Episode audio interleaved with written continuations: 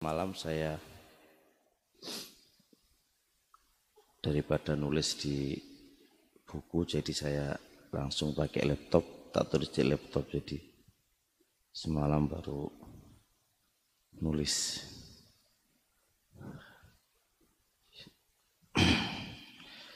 Biar sekalian dijadikan poin kemudian syarat semoga Allah menyelesaikan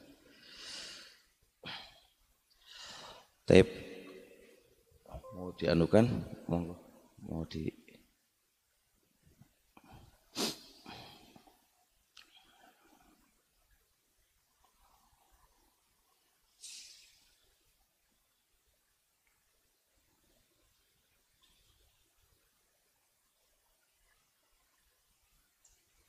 lebih enak ya kalau ada tulisannya ya. Keliru. Enggak ada. Ada.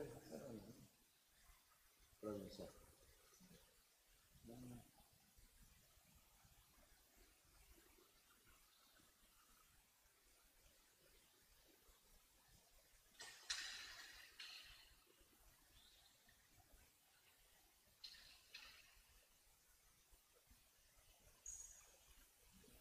Nggak nyampe. Agak dikit, nggak bisa.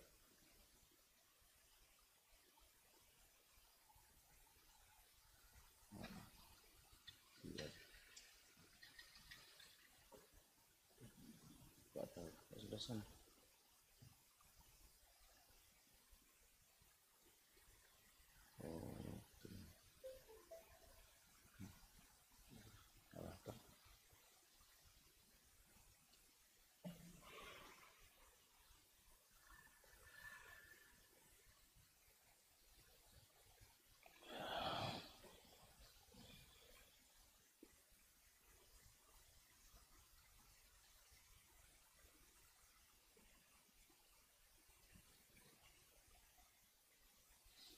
Ya.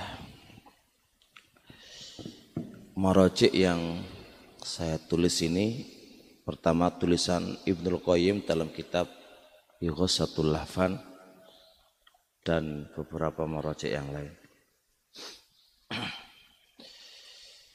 Taib, eh, sebelumnya kita bahas lagi Ana sampaikan ulang bahwasanya mempelajari eh, penyakit hati ini memiliki lahu ahamiyah memiliki kepentingan yang luar biasa karena ini motor kita menuju kepada Allah Subhanahu wa taala. Kalau ini enggak beres, Anda enggak akan bisa menuju kepada Allah dengan selamat. Perhatikan firman Allah Subhanahu wa taala, la yanfa'u malun wala banunun illa man atallaha biqalbin salimin. Harta dan anak tidak akan ada faedahnya kecuali orang yang datang kepada Allah dengan hati yang selamat. Ini menunjukkan bahwasanya di hari kiamat itu enggak butuh duit, enggak butuh harta, enggak butuh anak, enggak butuh yang lain. Tapi yang bisa menyelamatkan Anda itu adalah hati kamu yang selamat. Selamat dari penyakitnya dan selamat dari kematiannya. Pelajaran ini juga penting soalnya hati itu kan sama aja dengan badan. Badan itu ada badan yang sakit, ada badan yang sudah mati dan ada badan yang sehat. Kalau badan yang sakit itu ya disembuhkan dan kalau badan itu sudah mati diapain? Dikubur. Ya kan? Tinggal badan yang se sehat. Kalau badan itu mati, ya dikubur aja kan? Begitu pula kalau hati ini mati, diapain kalau hati ini mati? Ya wis kuburin lah. Badanmu itu enggak berfungsi kalau hatimu itu mati kan gitu kan di sisi Allah Subhanahu wa taala. Kemarin sudah bahas itu di bulan kemarin, sekarang kita ngaji mendiagnosanya.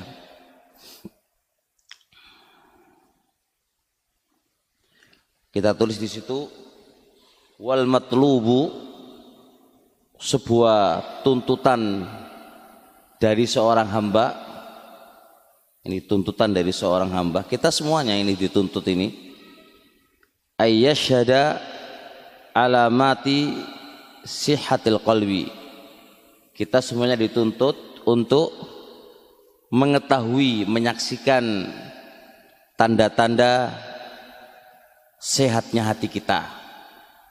Kita dituntut untuk menelaah, memahami, mengetahui hati kita ini benar-benar sehat atau enggak. Sebagaimana kita juga dituntut memahami, menelaah badan kita ini kira-kira sehat atau enggak. Jelas ya? Kenapa begitu? Liyatimma bihi salahu qalbihi wa zakau halihi wa tatimmu lahu ubudiyatuhu lillah. Kalau sudah ngerti badannya, hatinya itu sehat, maka liyatimma akan menjadi sempurna bagusnya hatinya dan suci keadaannya dan akan sempurna juga penghambaan dia kepada Allah Subhanahu wa taala. Artinya kalau kita ngerti bahwasanya hati kita itu sehat, insya Allah akan sempurna kebaikannya hati dan akan suci keadaannya hati dan akan sempurna juga penghambaan dia kepada Allah Subhanahu wa taala.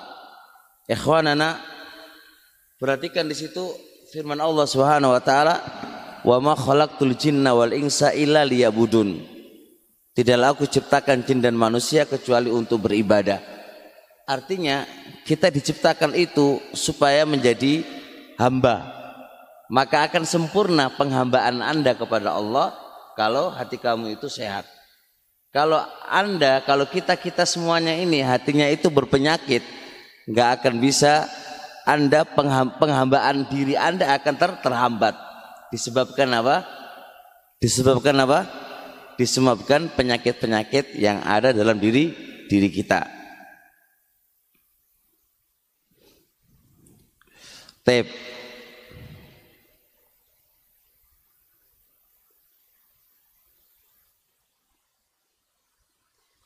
Udah mau habis baterainya.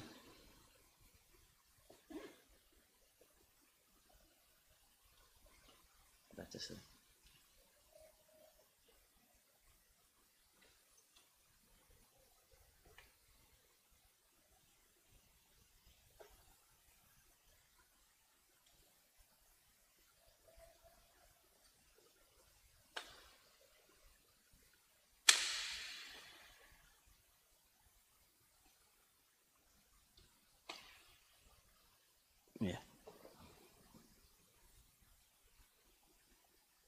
Kemudian sebelum kita bahas tanda-tanda atau mendiagnosa, perhatikan wadil alama tanda-tanda tadi kalau memang idza ra'ahal abdu kalau seorang hamba itu melihat di dalam dirinya itu ada tanda-tanda tadi awajadaha atau seorang hamba tadi menjumpainya dalam dirinya fa innahu yastashiru nikmatallahi alaihi bil hidayati wat taufik maka hendaknya dia yastashir memahami bahwasanya ini adalah murni anugerahnya Allah dan nikmatnya Allah. Jadi kalau andai kata setelah kita diagnosa ini ternyata dia itu sehat, maka jangan sampai Anda itu sombong. Jangan sampai Anda itu merasakan ini loh saya, gitu. jangan. Tapi pahami itu adalah nikmat Allah yang Allah anugerahkan kepada Anda. Itu murni fadlullah, anugerah Allah yang Allah berikan kepada Anda. Jangan merasa sombong, merasa Anda itu gini begini gitu enggak. Semua itu taufik dari Allah dan hidayahnya Allah Subhanahu wa taala. Dan Anda jangan mengatakan ini lo aku gitu kan. Yang paling takwa gitu jangan. Karena apa? Karena Allah berfirman fala tuzakku anfusakum huwa alamu bimanittaqo kamu itu jangan mensucikan diri-diri kamu. Karena Allah itu lebih ngerti siapakah yang siapakah yang paling tak takwa. Jadi ingat kalaulah andai kata kita menjumpai diagnosa-diagnosa yang akan kita sebutkan ini ternyata ada dalam dirinya. Atau dia menjumpai tanda-tanda ini ada pada dirinya. Pahami jangan sampai kita merasa sombong. Jangan sampai kita merasa wah tapi pahami semua itu adalah anugerah yang Allah berikan kepada kepada kita. Bersyukurlah kepada Allah ala hadhihi nikmah. Karena Anda mukhtar terpilih menjadi orang-orang yang baik menjadi orang-orang yang yang baik. Taib wahadi satu. Di sini kan berarti kan satu. Satu ini lihat tandanya. Allah yafturo. Tidak boleh yafturo. Yafturo itu merasa bosan. Ang zikrillahi ketika mengingat Allah. Jadi kalau ingat Allah itu dia nggak pernah bosan. Wala ama dan dia tidak juga merasa bosan min khidmatihi ketika mentaati Allah. Khidmah maknanya mentaati Allah. Coba lihat kalau dia zikir kepada Allah nggak pernah bosan. Zikir Pak nggak pernah bosan Pak. Moco Al-Quran nggak pernah bosan. Zikir bagi sore nggak pernah bosan. Moco La ilaha illallah ping satu nggak pernah bosan. Nggak pernah bosan Pak. Moco Al-Quran nggak pernah bosan. Coba kita lihat. Moco Al-Quran satu juz ngantuk murah. Delok SMS, delok bola, ya ngantuk. Itu berarti apa nih? Apa nih sing loro iki? Hati ini sing loro. Ini ini ini ini tanda Pak, tanda. Ini kalau nonton bola atau moco apa itu SMS, moco apa mana? Ya? Facebook, utangi wong iki piro iki diwaca terus itu ora bosen, Pak. Tapi kalau lagi zikir kepada Allah Subhanahu wa taala eh menit aja ngantuk. Ya kan? Sak menit aja ngantuk. Jangankan rong menit, Pak. Sak menit aja ngantuk, wis bosen. Bosen. Kalau udah bosen itu kan wis ngantuk toh. Ah? Ini ini ini ini kira-kira nang hati kita piye Ngaji ini Pak ngaji. Itu zikrullah. Ngaji ini zikrullah. Anda ingat hadis Anas bin Malik radhiyallahu taala kata Rasulullah, "Wa idza marartum bi riyadil jannati farta'u." Anda itu kalau melewati, melihat, melewati taman-taman surga itu farta'u. Hampirilah, datangilah. Kila ya Rasulullah. Ditanya oleh Rasulullah, Wa mariyadul jannah. Apa itu taman-taman surga? Qala khilaqul dzikri. Halaqah halaqah dzikir. Halaqah halaqah dzikir itu adalah taman-taman surga. Sedangkan yang diomongkan hanya lisan to. Zikir kan lisan to toh? Maka majelis ilmu itu melebihi daripada zikir. Paham ya? Majelis ilmu itu melebihi dari zikir. Qala Hasan Al Basri ketika ditanya wama majalisul dzikri apa itu majalisul dzikri? Qala majalisul ilmi. Dia adalah majelis-majelis ilmu. Karena majelis ilmu itulah lebih layak daripada majalisul dzikir. Karena zikir itu hanya berucap dengan lisan. Tapi majalisul ilmi yang bergerak hati, lisan dan organ badan. Kalau dia ngerti halal, ngerti haram, dia akan jauhi. Kalau ngerti itu adalah kewajiban, dia akan lakukan. Berarti yang bergerak di majalisul ilmi adalah hati, lisan, dan gerakan. Nah kalau kalau pas ngaji majalisul ilmi kok ngantuk, iki karena ngantuk apa karena bosan atau karena apa iki? Hah? Jelas bosan pak? Nggak ada ngantuk kalau dia merasa lezat. Mosok pas mangan ngantuk nih. Kalau pas ini enak. Hah? Pas jima masuk ngantuk.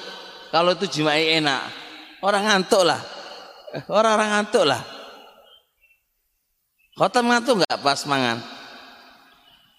Enggak kan? Oh kan. Eh, jelas ya ini. Berarti ono masalah kan? Berarti ono masalah kan? Di mana masalahnya? Di hati? Di hati. Berarti masalahnya di mana? Di hati. Ada yang nggak beres, ada yang kongsel di situ di hati kita. Karena kita kalau sudah zikrullah harusnya kita nggak bosan merasa lezat, merasa enak, merasa kepingin terus. Kalau bisa itu nggak pernah putus, ya kan?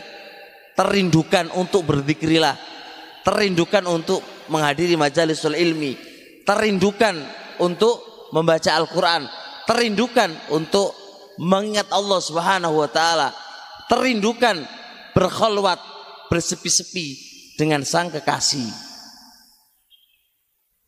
Orang kekasih ini bocor Allah Subhanahu wa taala. Kita lihat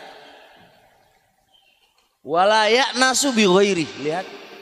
Wala nasu bi ghairi dan dia tidak merasa nyaman. Dia nggak pernah merasa nyaman. Bi dengan selain Allah. Sama selain Allah tuh nggak nyaman. La istri, wala anak, wala orang tua itu nggak nggak nyaman dia. Dia nyamannya sama Allah. Kalau sama Allah tuh nyaman banget.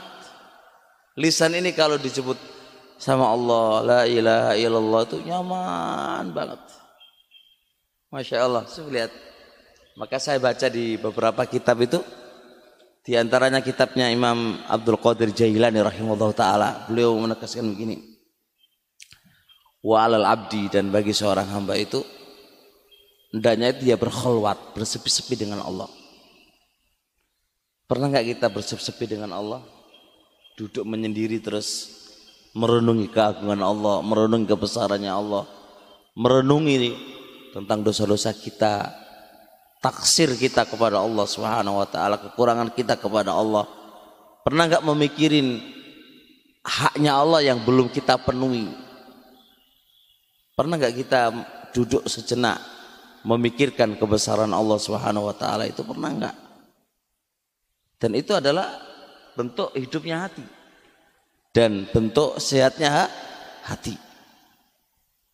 Coba kita sejenak karena kita itu terus terang aja. Kita terus terang aja apa itu? Naknas. Naknas itu merasa bahagia dengan selain Allah. Kalau didampingi istri bahagia, didampingi anak bahagia, didampingi orang lain itu bahagia. Terserang. Kalau sama Allah enggak? Sama Allah enggak? Apakah itu semuanya? Enggak ada ilah kecuali. Jadi dia tidak akan merasa tenang dan merasa nyaman dengan selain Allah. Ada selain Allah yang itu dikecualikan. Siapakah dia? Illa biman yadullu alaih. Kecuali dengan orang yang dia menunjukkan kepada Allah. Jadi kalau dia itu ada orang manusia, manusia, manusia tapi dia itu manusia itu temannya dia itu menunjukkan kepada Allah. Menganjurkan dia untuk taat kepada Allah. Menasehati, menyemangati kamu ke Allah. Nasehati, menyemangati, ayo ke Allah. Itu baru nyaman dia sama orang semisal ini. Faham ya? Jelas? Jadi kalau Berarti dia akan nyaman kalau duduk sama orang-orang soleh. Sama orang-orang yang taat. Sama orang-orang yang mengajarkan kebaikan. Itu nyaman. Selain itu nggak bakal nyaman. Nggak bakal nyaman. Jadi dia nyaman dengan orang. Dia nggak akan nyaman dengan selain Allah nggak akan nyaman. Kecuali orang tadi itu menunjukkan kepada Allah. Pokoknya urusan kepada kebaikan dia akan nyaman. Dia akan nyaman. Lihat itu. Illa biman yadullu alaih wa yudzakiruhu bi. Dan orang yang yudzakiruhu mengingatkan dia kepada Allah. Ayo, jalali Allah, jalali Allah, taat kepada Allah. Wa yudzakiruhu bi amr dan selalu mudzakarah. Selalu mudah, mudah saling mengingat-ingatkan. Jadi di majelis majelis apa aja kalau orang yang soleh itu kan ayo taat, ayo taat, ayo taat. Itu aja pembahasannya. Ayo dikir, jalali dikir pagi sore, ayo taat, ayo ini, ayo ini, itu aja. Jadi kalau dia sama orang yang kayak gini ini, itu nyaman. Nyaman, Pak. Kata istri pun kalau dia tidak tidak kayak gini nggak nyaman dia. Kata istri pun kalau mau dibahas, nggak cepet dulu duit ayo ini ini ini ini ini dia nggak nggak nggak nyaman. Nggak nyaman pak. Dia nyaman sama orang yang semisal ini. Itu istrinya atau anaknya atau siapa pun dia kalau dia selalu mengingatkan Allah Subhanahu wa taala selalu yang diingat itu adalah Allah ketaatan kepada Allah dan seterusnya maka itu dia akan nyaman dengan orang-orang yang semisal ini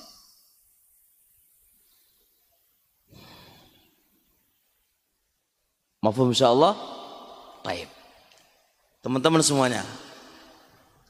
Ada istilah di kaidah usul namanya dalalatul iltizam. Namanya penunjukan itu dalala itu ada dalala mutabaqo, ada dalala tadammun, ada dalala iltizam. Anak ambil di sini dalal iltizam. Konsekuensi uang, Pak. Konsekuensi uang yang dia tidak akan merasa bosan ketika disebut. Dan merasa nyaman kalau dia itu ada di sisinya. Saya yakin orang itu pasti dicintai. Ya apa enggak? Ya enggak? Pasti nomor satu orang yang dicintai. Mana ada ada orang di sisi kamu tapi orang itu kamu benci. Itu nyaman sampean? Kayak senyaman Bahkan mungkin kalau di telinga kamu disebutkan orang tadi, oh jadi disebut mana aku muak dengan kata ini kan gitu tuh. Ya enggak? Paham kan itu? Nah, ini berarti Pak ada konsekuensi Pak. Ada isyarat. Berarti orang yang paling dia cintai, dat yang pak dat yang paling dia cintai itu adalah Allah Subhanahu wa taala. Buktinya ketika disebut nama Allah itu dia malah rindu dengannya. Gak kau bosan pak, gak kau bosan pak. Kalau kalau kita itu bosan, ke mana kah posisi Allah itu ke mana dalam diri kita? Ke mana kita ini? Sekarang ini pertanyaan kan, ke manakah posisi Allah di dalam hati kita? Ke manakah itu? Kamu taruh mana di sebelah hati yang mana? Sampai kalau disebut Allah itu kita nggak merasa apa? nggak merasa terindukan terhadap terhadapnya. Ke manakah itu semuanya? Jauh pak, kakek maksiat soalnya. Hati ini sakit, jadi Allah itu paling ujung sendiri. Yang paling depan siapa? Bojo, anak, pemain bola, siapa mana itu? Yang paling garap-garap itu kan. Nah, ketika disebut siapa yang dia sukai, oh, apalagi apalagi ngono pak, nanya terus, apalagi apalagi Coba semalam itu ada piala dunia gitu dan Anda itu mengidolakan siapa gitu kan? Pasti jenengan nanya, eh, "Pi, pi, semalam tuh pi, pi orang ini gimana?" Sopo sing? Eh, oh, Anda langsung melotot ngono, Pak. Sopo sopo ngono, eh, sampai nu ada orang eh, orang nomor satu dalam hati Anda yang Anda senengi. Terus kalau pas bahas Allah, Pak, bahas syariatnya Allah, bahas bahas ilmu, ah, ngantuk ayo ini ini kan ini ada konsekuensi loh. Kenapa terjadi yang demikian? Ini kan hal yang aneh. Ini namanya istilahnya taghayyur, halatut taghayyur, keadaan perubahan. Setiap perubahan itu kan harus dicek. Sebagaimana badan Pak Dokter ya, kalau udah ada perubahan itu kan harus dicek. Normalnya badan kan begini. Kenapa kok ada perubahan? Itu pasti ada masalah di di badannya kan. Sebagaimana normalnya hati. Yang seharusnya hati itu kullu mauludin yuladu alal fitrah. Hati itu kan harusnya kan fitrah. Fitrahnya kan kembali ke Allah Subhanahu wa taala. Berarti normalnya harusnya yang paling dirundukkan kan hanya Allah. Yang paling dicintai kan adalah Allah. Bahkan kita itu selalu merindukan Allah kan. Kan begitu kan harusnya. Kalau ini tidak ada atau berkurang, berarti kan ada masalah dalam diri kita. Ada masalah berarti kan. Berarti kan ada masalah. Nah ke mana Allah ditaruh ini? Ini pertanyaan kita ini. Allah taruh di mana ini? Padahal Allah yang ngasih nikmat, yang ngasih rezeki. Ya Allah kita itu hamba yang kurang ajar dengan Allah beneran ya. Sengekei segala-galanya kan Allah. Masa dinomorkan sekian dari dari diri kita. Ini nggak bisa nggak bisa mek lambe loh ya. Realitanya gimana dalam kehidupan kita itu gimana? Oke, terus coba saya menjelaskan di sini. Hati yang sehat itu hendaknya ayak ayuk hiro. Hati yang sehat itu adalah ayuk hiro memperbanyak ming zikrillah dari mengingat Allah. Hati yang sehat itu pak ngake-ngake memperbanyak ingat kepada Allah. Lihat ini duna ayyusi bahu duna ayyusi bahu futurun au malalun au samatun. Ketika ingat kepada Allah itu duna tanpa ayyusi bahu orahunya duna ayyusi bahu tanpa menimpa kepada dia rasa jenuh dan rasa malas terus terus iling. Orang ono pak jenuh Orang ono males, orang ono bosen itu nggak ada. Terus dikir. Terus dikir. Terus iling kepada Allah Subhanahu wa taala. Lihat ini. Bal la yazalu mu'taniyan bidzikri. Bal bahkan la yazalu terus menerus mu'taniyan perhatian bidzikri dengan zikir muhafizon alai menjaga alai atas zikir. Terus jaga zikir, terus jalan ko iman wa qai dan mutajian tidur zikir kepada Allah, berdiri zikir kepada Allah, duduk zikir kepada Allah fi kulli ahwalihi. Di setiap keadaan dia selalu yadhkurullah zikir kepada Allah Subhanahu wa taala. Di majelis ilmu dia berzikir kepada Allah dengan ilmu-ilmu yang syariatnya Allah. Dia jalan berjalan berzikir kepada Allah atau murojaah pelajaran-pelajaran yang dia pelajari itu terus begitu. Lihat. Perhatikan ucapan Ibnu Qayyim bagus banget itu. Qala Ibnu Qayyim rahimahullah. Berkata Imam Ibnu Qayyim rahimahullah. Fi tariqil hijrataini. Di dalam kitab tariqil hijrataini. Ingat ini ini pahami dengan baik Al-muhibbu. Al-muhibbu. Orang yang cinta. Ya taladzadu. Dia akan merasa lezat. Bikhidmati mahbubihi. Dengan dia berkhidmat dengan kekasihnya wa tasarrufihi fi dan dia merasa lezat di dalam tasarrufihi. Dia gunakan semua tenaga dan hartanya di jalannya. Di dalam mentaatinya. Ini pak. Saya gambarannya gini. Sampean itu sama orang tua kalau kita itu cinta sama orang tua kita, maka cinta sama orang tua kita itu tandai gampang. Ketika Anda berkhidmat sama orang tua kita dan kita merasa lezat, Pak. Nyaman, lezat. nggak kok terpaksa. Iku berarti awakmu iku bener-bener cinta kepadanya. Cinta itu dibuktikan dengan ketika Anda berkhidmat kepada kedua orang tua Anda, lalu Anda itu merasa lezat. Lezat pol kalau bisa mijiti orang tua. Ya, merasa lezat pol kalau Anda bisa membantu orang tua. Bahkan kalau Anda kata menuntun orang tua itu Anda merasa lezat, itu berarti muncul di situ rasa cinta. Karena munculnya rasa cinta, maka apa pun yang Anda lakukan demi dia itu akan merasa lezat dengannya. Itu bukti, Pak. Bukti. Saya ki takoni bojomu. Takoni bojomu. Ketika istrimu itu mijitin kamu itu terpaksa lah enggak itu? Ya kalau kemanten baru gak lah itu kan secinta cintai tapi se setahun ya takoni setahun ya pijit barang lah pijit barang Iku berarti cintamu ora ono cinta iku. Iku cinta palsu iku juaan. Wong cinta itu orang ngono, Pak. Wong cinta itu merasa lezat. Jadi disuruh apa aja, yang penting dia yang nyuruh.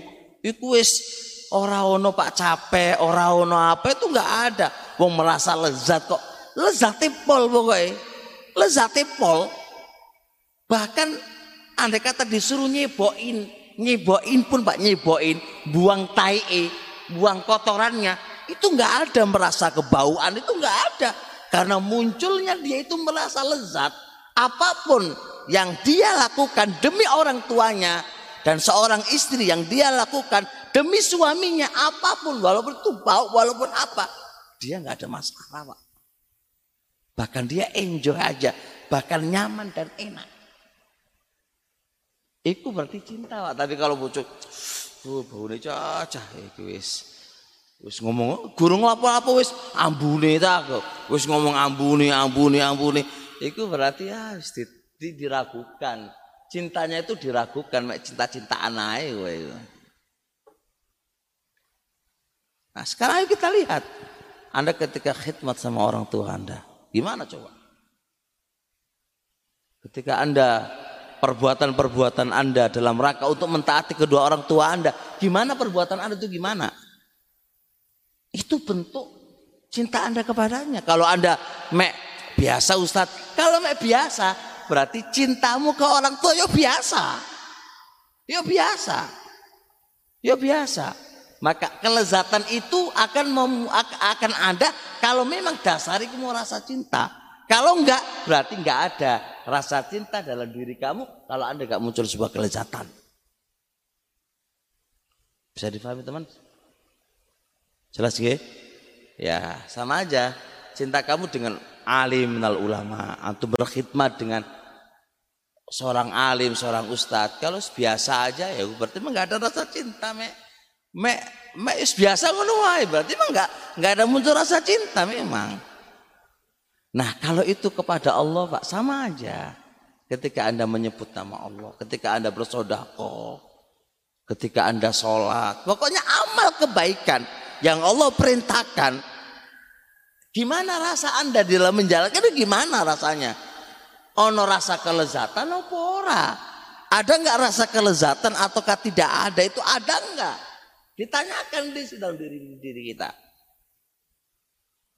Maka lihat itu. Wa kullama kanatil mahabbatu wa kullama dan setiap kali kanatil mahabbatu adalah rasa cinta itu akwa lebih kuat. Rasa cinta itu lebih kuat. Kanat ladzatat ta'ati wal khidmati akmala tentunya kelezatan di dalam mentaatinya dan kelezatan di dalam berkhidmat kepadanya tentunya lebih sempur sempurna. Jadi kesempurnaan kelezatan itu ngikuti mana? Ngikuti apa? Rasa cinta. Cintanya tambah kuat, kelezatan di dalam mentaatinya tambah ku, tambah kuat. Cintanya tambah kuat, berkhidmat juga naam eh, kelezatan di dalam berkhidmat itu juga tambah kuat. Ayo, ayo dilihat, dilihat diri, diri kita ini. Makanya kata beliau, fal yazin al abdu imanahu wa mahabbatahu lillah bihadzal mizan. Lihat, fal yazin al abdu. Maka hendaknya seorang hamba menimbang timbangan rek, timbangan rek. Imanahu imanmu wa mahabbatahu kecintaan kamu lillahi kepada Allah bihadzal mizan dengan timbangan ini. Maksudnya apa? Delokan imanmu itu, delokan cintamu kepada Allah itu timbangan itu rasa kelezatan. Ketika mentaatinya, tidak bosan di dalam mentaatinya, enggak jenuh di dalam mengingat kepada kepadanya. Timbangan sekarang. Ayo masing-masing kita lihat. Seberapa kadar cintamu kepada Allah dan seberapa kadar imanmu kepada Allah timbangan. Gampang timbangannya Pak. Ketika aku menjalani ketaatan kepada Allah, Anda enjoy enggak? Merasa terpaksa enggak? Kemudian ada kelezatan enggak di dalam menjalankannya? Kalau Anda kata ada, berarti dan seberapakah itu? Itulah wujud imanmu kepada Allah dan wujud mahabbamu mahabbah kamu kepada Allah. Gampang. Karena deloi. Wis. Kalau butuh bikin tes pen ya. Cukup tes pen Pak. Apa dok jenenge dok? Ngukur ki dok. Ngukur ngukur ngukur gula ngukur apa itu diukur iki jadi sekarang ngukur imanmu dan cinta kamu ya dengan ini. Gitu loh, jelas? Nah kalau dia ini ngaji, ngantuk, males, tekoi, males. Wah gitu, no kafe gitu. Eh? Mau sodako berat, mau diajak gotong royong berat. Wis berat kafe wisan wis. Wis berat. Diajak akor karo konconi berat dalam ketaatan kan ini wis berat kabeh wis. Ya gimana oh, berat um penyakitan kok ora sehat hati ini kita kok. Pokok inti nih dijalani Allah itu wis ayo gitu kan. Aduk wis gak ada ada wong jenenge dijalani Allah kok. Kayak sampai nih loh cinta lagi pacar-pacaran awal Pak ya? Pacar-pacaran awal. Kota pernah pacaran ya?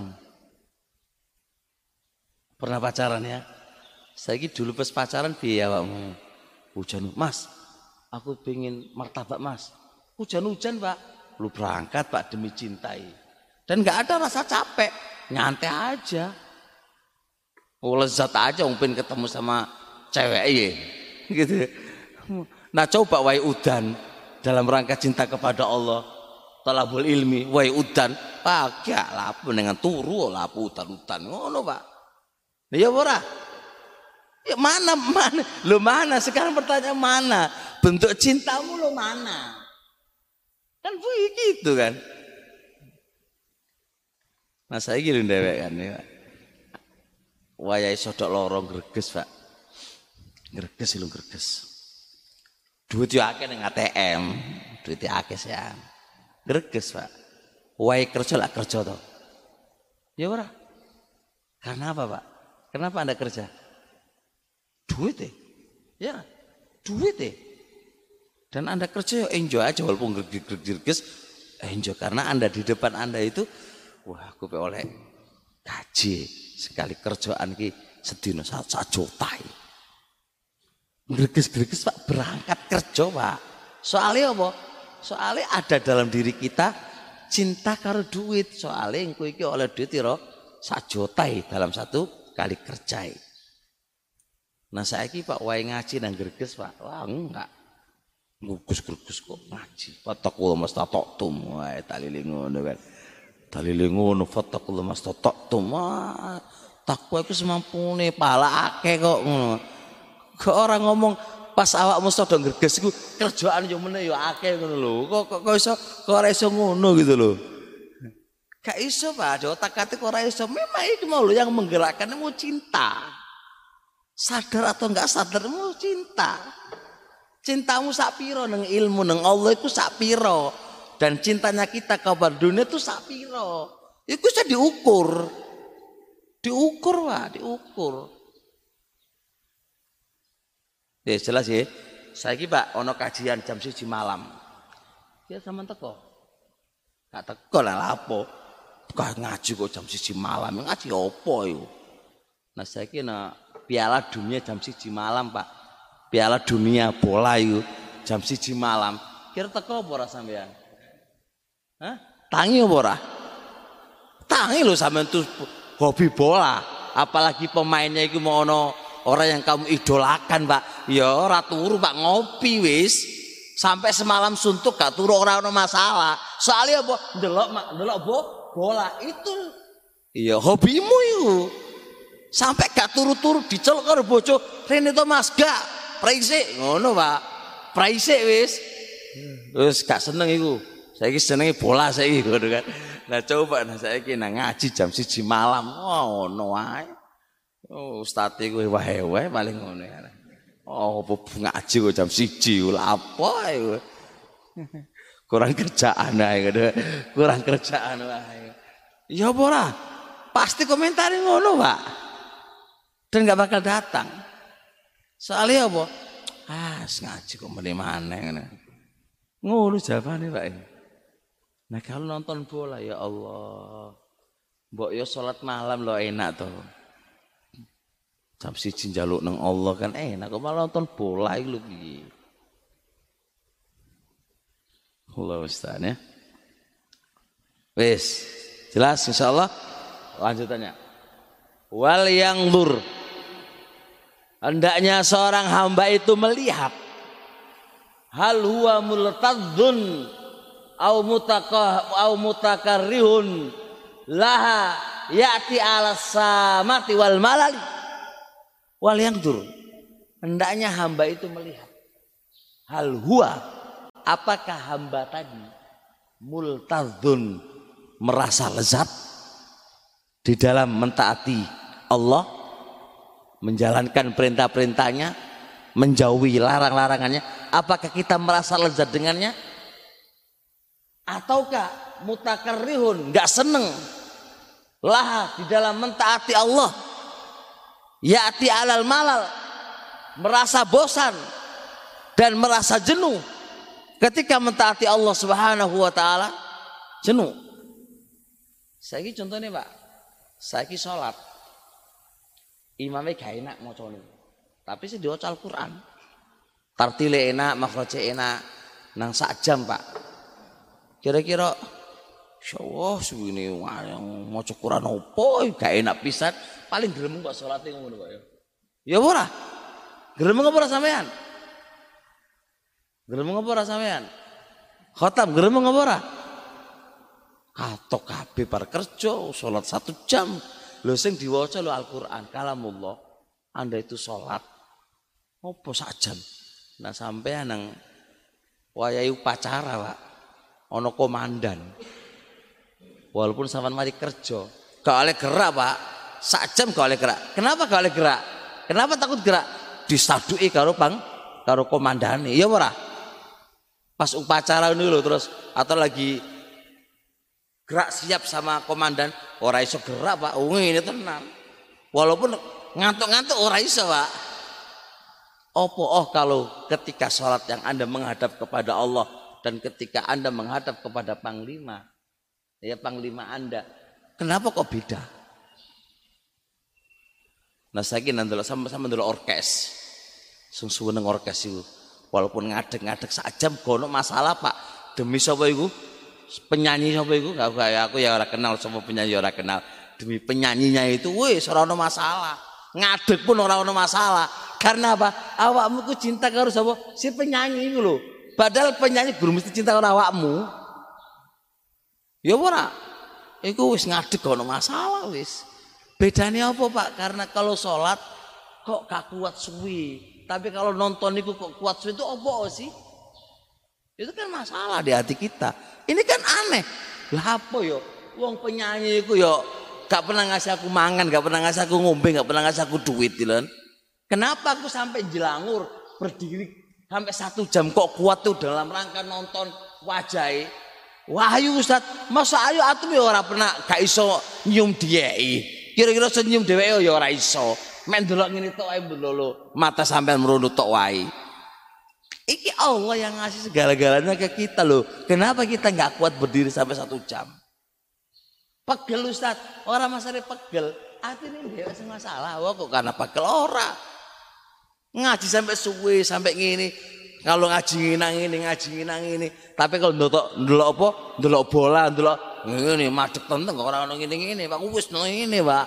Iku bedanya apa perlu duduki? Ada yang beda masalah cinta, Pak. Ada masa ada bedanya cinta. Apa nih kantor ndelok laptop ini, Pak. Pas waktu ini kerja ini ini. Saja orang ada masalah, Pak. Setengah hari orang ada masalah. Oh ya orang ngantuk. Tapi kalau laptop itu isinya kajian, Pak, nulis buku, oh antuk wae. Apa ayo? Ono bedane, ono bedane, Pak. Cintamu itu yang mana ini? Semua letaknya di cinta. Apa wae kalau masalah cinta, Pak, gampang. Sempetin cinta sih. Kalau mau jalani itu tadi karena cinta, semua jadi gampang, Pak. Seberat apa pun itu kalau cinta melaku pak, melaku. Soal cinta. Ono hujan, ono hujan, melaku pak. Kalau mau cinta.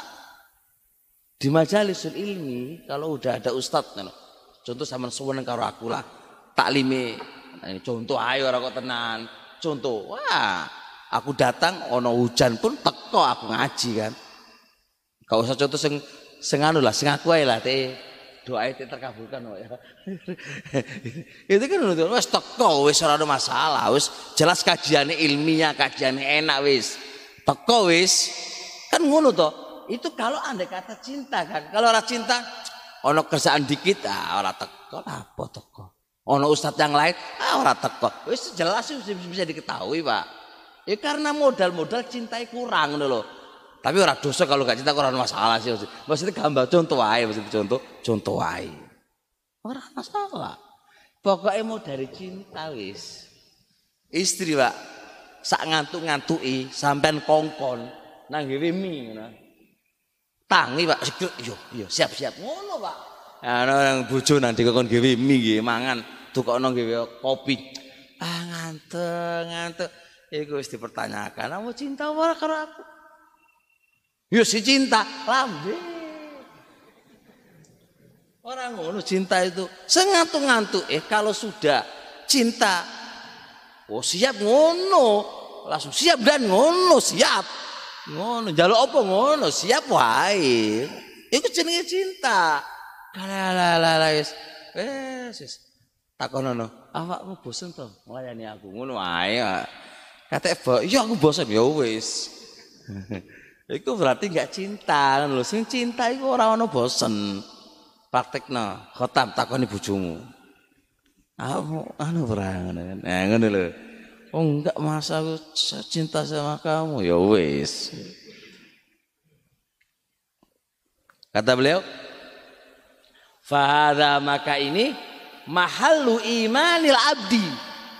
Tempat imannya hamba aina mahalu kelezatan. Ini ini tuh kelezatan.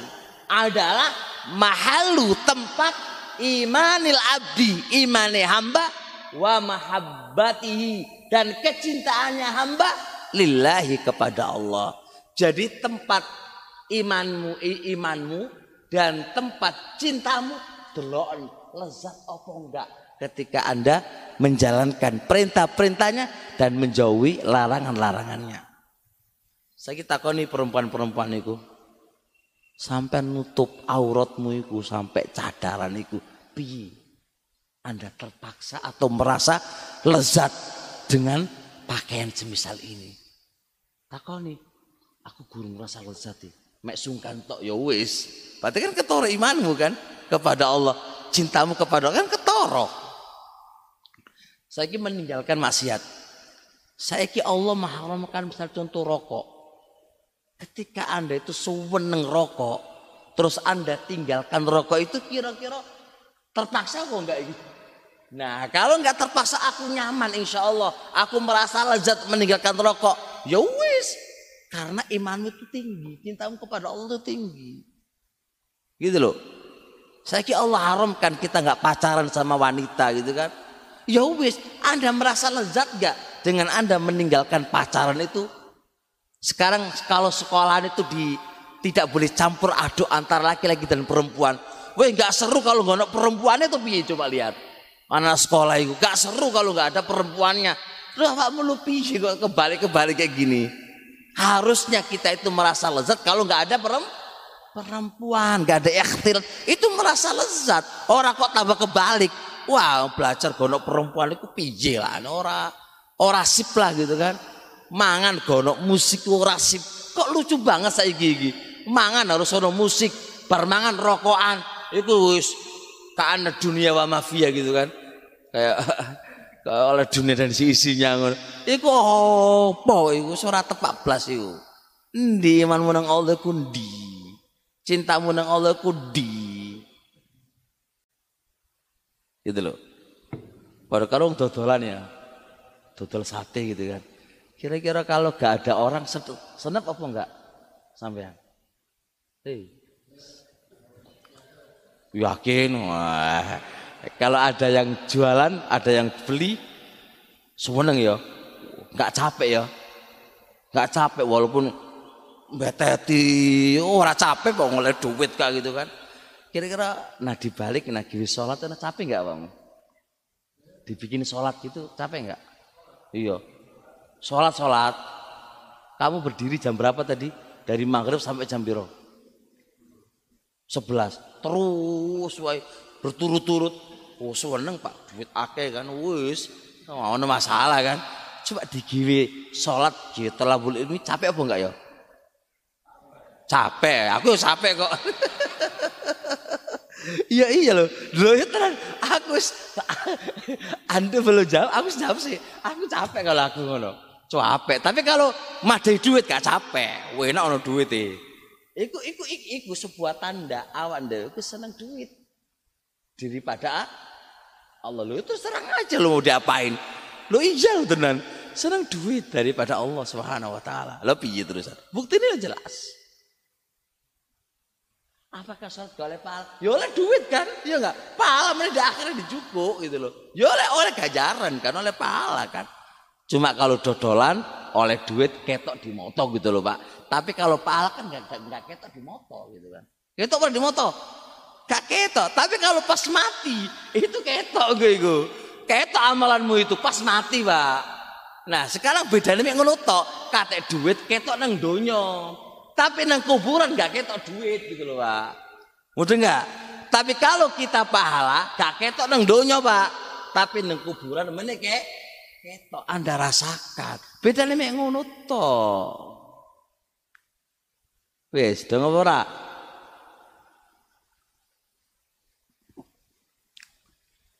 Udah selesai ya, Pak ya? Sudah. Oh. Kau sudah. Bener lezat toh. Tenan ku nang terpaksa gue iki. Biasane wis lho delok atau iki kan kalau biasanya kan ngaji. Ustaz kayak suwene polis suruh iku sik ngaji wae.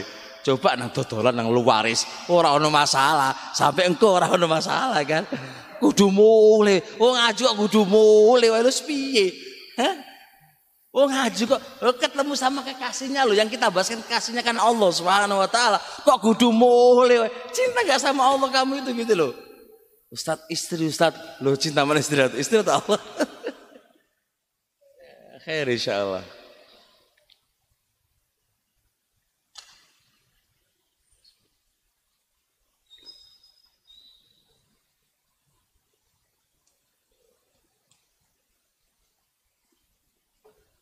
Eh, selanjut ya. Kok lanjut apa enggak ini? Sampai jam 9 ya.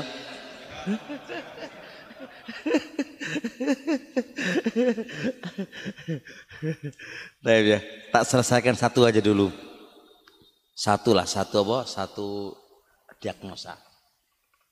Qauluhu perkataan di atas tadi, perkataan Ibnu Qayyim dalam kitab Yuhosatul Lafan Makna walayak nasu bighairihi. Dia itu enggak merasa nyaman dengan selain Allah. Pokoknya sama selain Allah itu enggak nyaman.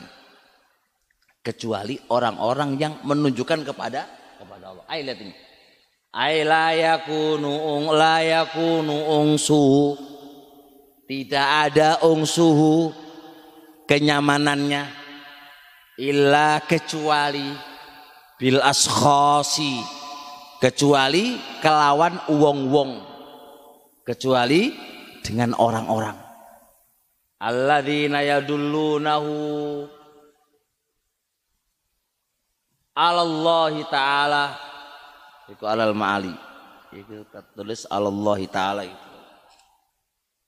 Alallahi taala di tidurnya semalam tuh lagi ngetik jadi kayaknya uh, sampai ngantuk-ngantuk nah. Illa bil askhasi kecuali dengan orang-orang alladzina yadhullunahu. Orang-orang tadi itu menunjukkan atas menunjukkan dia nyudono kepada dia ngasih tahu kepada dia Allah taala kepada Allah taala wa yu'inunahu dan mereka-mereka itu membantu dia ala taatillahi wa dzikri untuk mentaati Allah dan mengingat Allah Subhanahu wa taala. Jadi hati yang sehat itu itu hukum asalnya nggak nyaman, Pak. Duduk sama siapa orang itu nggak nyaman, Pak. Apalagi kalau duduknya sama orang bahas duit, itu orang nyaman. Ayo dodolan langsung kenceng yuk. Nah, itu so, gak nyaman pak, gak nyaman, gak nyaman. Apalagi pembahasannya, pi ngomong semua aneh orang genang-genang ini, pak, wes orang orang nyaman. Itu hati yang itu nyaman dengan duduk kayak gini ini. Dan gak nyaman dengan dulu dengan orang-orang yang itu gak nyaman pak. Nyamannya sama orang-orang yang menunjukkan kepada Allah. Ayo taat, hilis menyemangati taat. Mengingatkan kalau itu salah dan lalai itu dia itu nyaman dengan orang-orang kayak gini ini.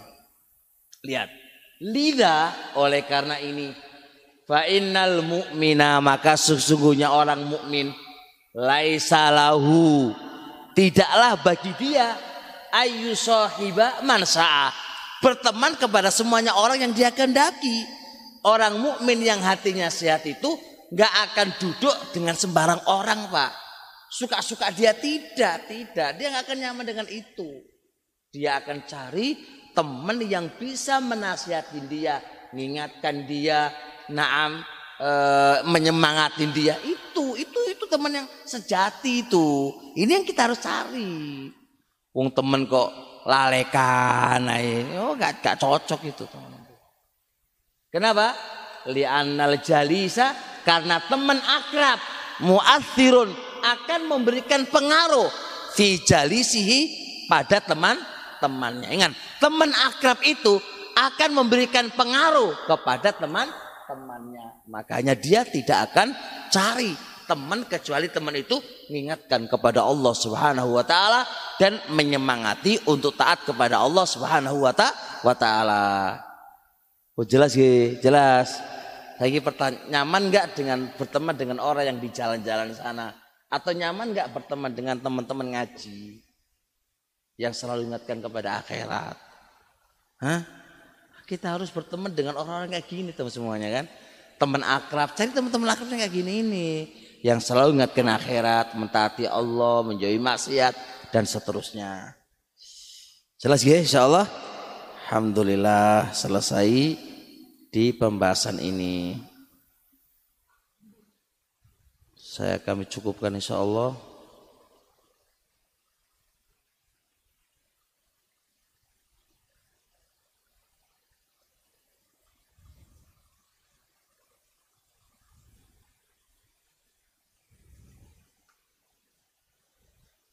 Tapi ya. Sampai di sini insyaallah. Subhanakallahumma hamdik, syadu la anta. Astagfirullahaladzim. Assalamualaikum warahmatullahi wabarakatuh.